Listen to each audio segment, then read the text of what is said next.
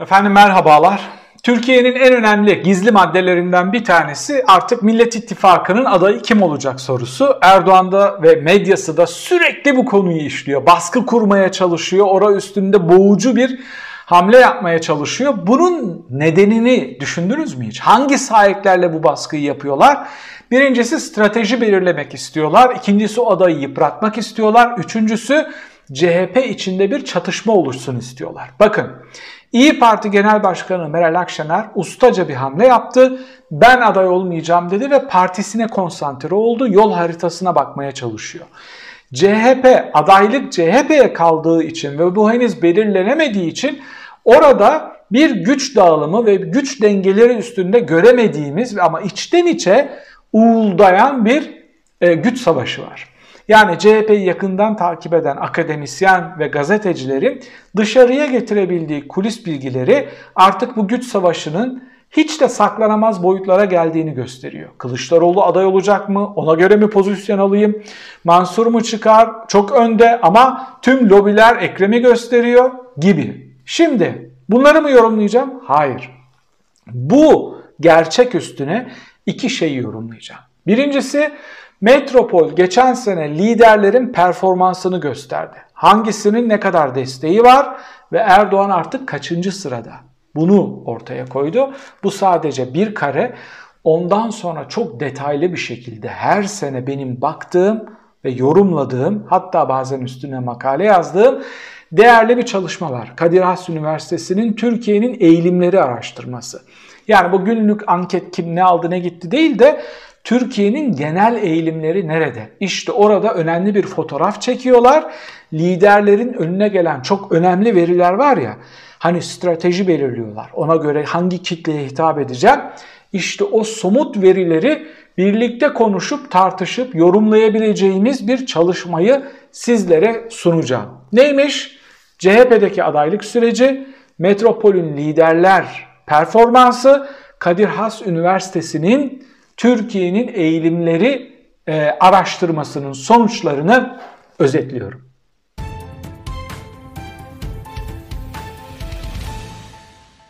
Hiç vakit kaybetmeden Metropol'ün liderlerin performansını, beğeni derecesini gösteren çalışmayla başlayalım. Bu çok enteresan bir veri. Aslında dolaylı olarak bu sonuçları sizlere açıklamıştım ama bir yıllık eğilimleri koymuşlar. Nerede düşmüş, nerede çıkmış bu kadar detayına girmeden size fotoğrafı yıllık sonuçlarına göre vereceğim. Bir numarada Mansur Yavaş çıkıyor. Adam 60 ile başlamış, 60 ile bitirmiş.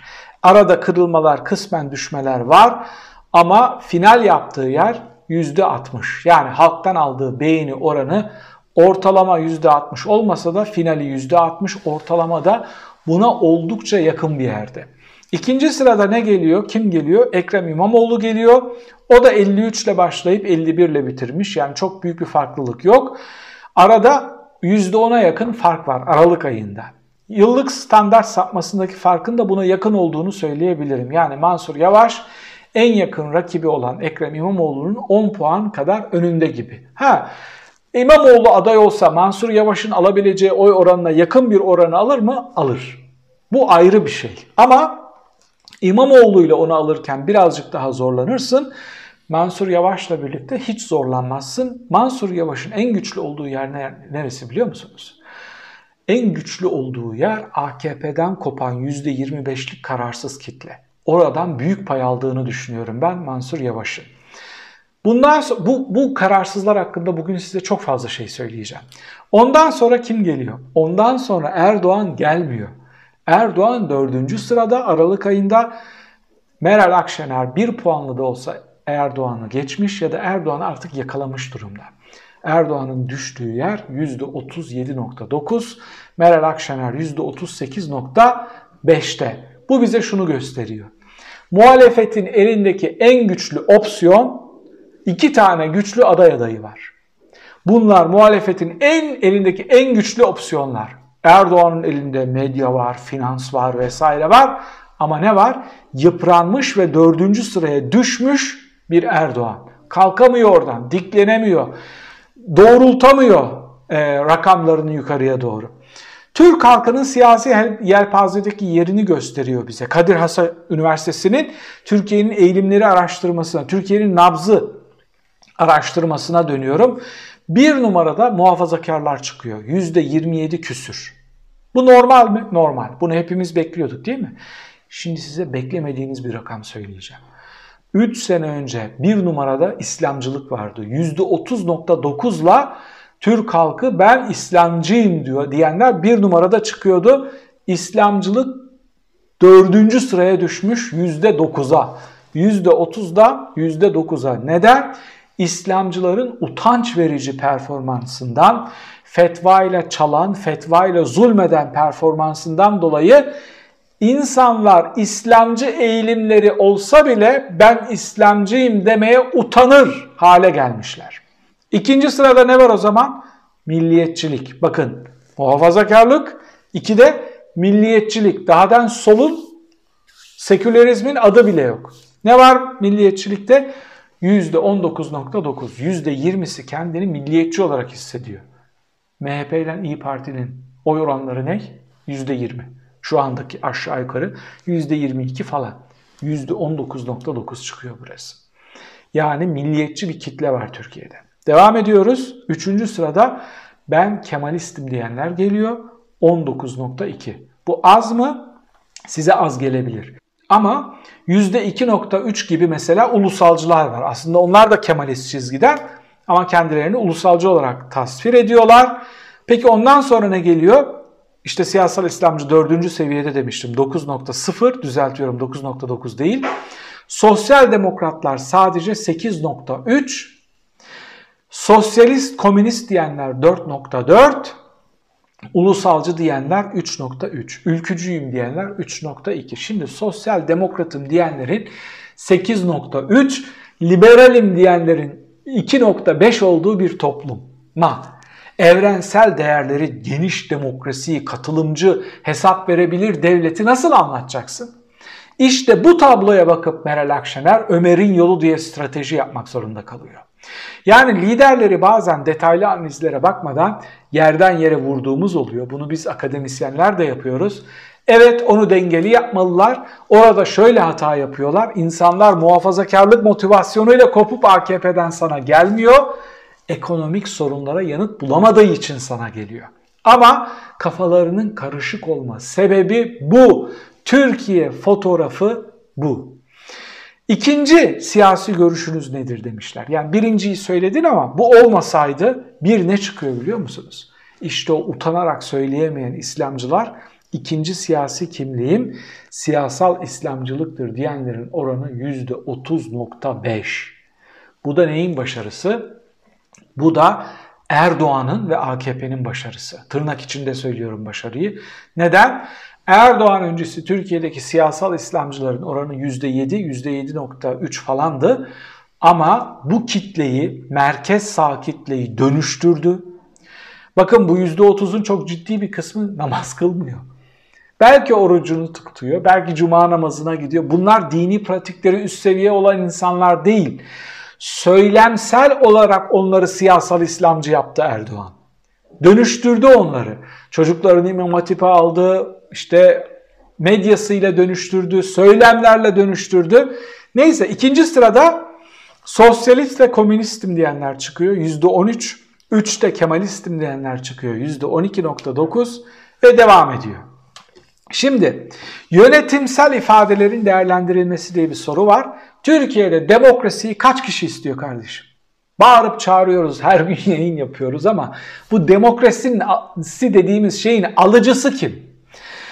%18.9 çok iyi bir rejimdir diyor. Bu arada en güzel şey şu, en olumlu ve e, mutlu olabileceğimiz yanıt şu. Tüm seçenekler içinde demokrasi birinci sırada çıkıyor. Arkadaşlar bu büyük bir nimet. Umutlanabilmemiz için geleceğe yönelik o siyasi kırılmaya baktığımız zaman darmadağın oluyoruz ama demokrasi çok iyi bir rejimdir diyenlerin oranı 18.9, iyi bir rejimdir diyenlerin oranı 36.4, ne iyi ne kötü. Yani iyi yanları da var ama kötü yanları da var diyenlerin 33.33.3 ama kötüdür ve çok kötüdür diyenler 7.6 ve 4.0. Ne demiştim size? Türkiye'deki gerçek İslamcılar 7 nokta küsürdür diye. Bakın burası da 7.6 çıkıyor. İşte onlar İslamcılar gerçekten. O çok kötüdür, karşıyım diyenler de belki marjinal sol, sosyalist, marksist çizgide olanlar da olabilir. Demokrasi değil, tek partiyi komünist devrimle savunanlar da olabilir. Ama bir numarada bu çıkıyor. Hala umutlu olmamız için, geleceğe umutla bakmamız için, tutunabilmemiz için bir veri olarak yorumlayabiliriz. Yani her şey yerle bir değil. Türkiye gündeminin en önemli sorunları nelerdir diye sormuşlar. En önemli sorun sizin de tahmin ettiğiniz gibi ekonomi çıkıyor. 22.4 ekonomi demiş. 17.9 mülteciler demiş. Partilerin mülteci karşıtlığının nereye dayandığı buradan çıkıyor ya da mülteci düşmanı belediye başkanlarının nasıl popüler olup merkeze yürüdüğü buradan çıkıyor. 17.9 Türkiye'nin 18'i Türkiye'nin bir numaralı sorundur diyor. Şu ekonomik krize rağmen koronavirüs salgını diyenler 15.8 hak ve özgürlükler, adalet vesaire diyen 7.3. Yani bu kanalın takipçilerin muhtemelen vereceği en önemli iki yanıttan biri olan seçenek 7.3'te kalmış ve diğer seçenekler geliyor. Onlara çok fazla girmeyeceğim. Kurumlara güveni sormuşlar. Kurumlara güven darmadağın. Eskiden TSK vesaire işte değil mi üniversiteler çok üst seviyede çıkardı. Kurumlara güven dağılmış durumda. TSK'ya çok fazla güvenenler %21. Kısmen güveniyorum, çok güveniyorum diyen %21. Kısmen güveniyorum diyen %41. Diğer kurumlar da buna yakın çıkıyor. Polis buna yakın çıkıyor, jandarma buna yakın çıkıyor. Ama kurumlar darmadağın olmuş durumda. Bu da tek adam rejiminin ülkeyi getirdiği yer. Şimdi geldik en önemli verilerden birine. Cumhurbaşkanı Recep Tayyip Erdoğan'ı başarılı buluyor musunuz? %39.2'si çok başarılı buluyorum ve başarılı buluyorum diyor. Çok başarılı buluyorum diyen 10, başarılı buluyorum diyen 29. Başarısız buluyorum diyenler %27'ye yakın. Ne başarılı ne başarısız buluyorum diyen metropolde çıkan kararsız kitlerin oranı Kadir Has'ta da karşımıza çıkıyor. %25.3. Metropolde de %25 nokta küsür. Bakın bu neyi gösteriyor? Kararını veremeyen %25'lik bir kitle var. Bunlar Erdoğan'a aşık, aşık.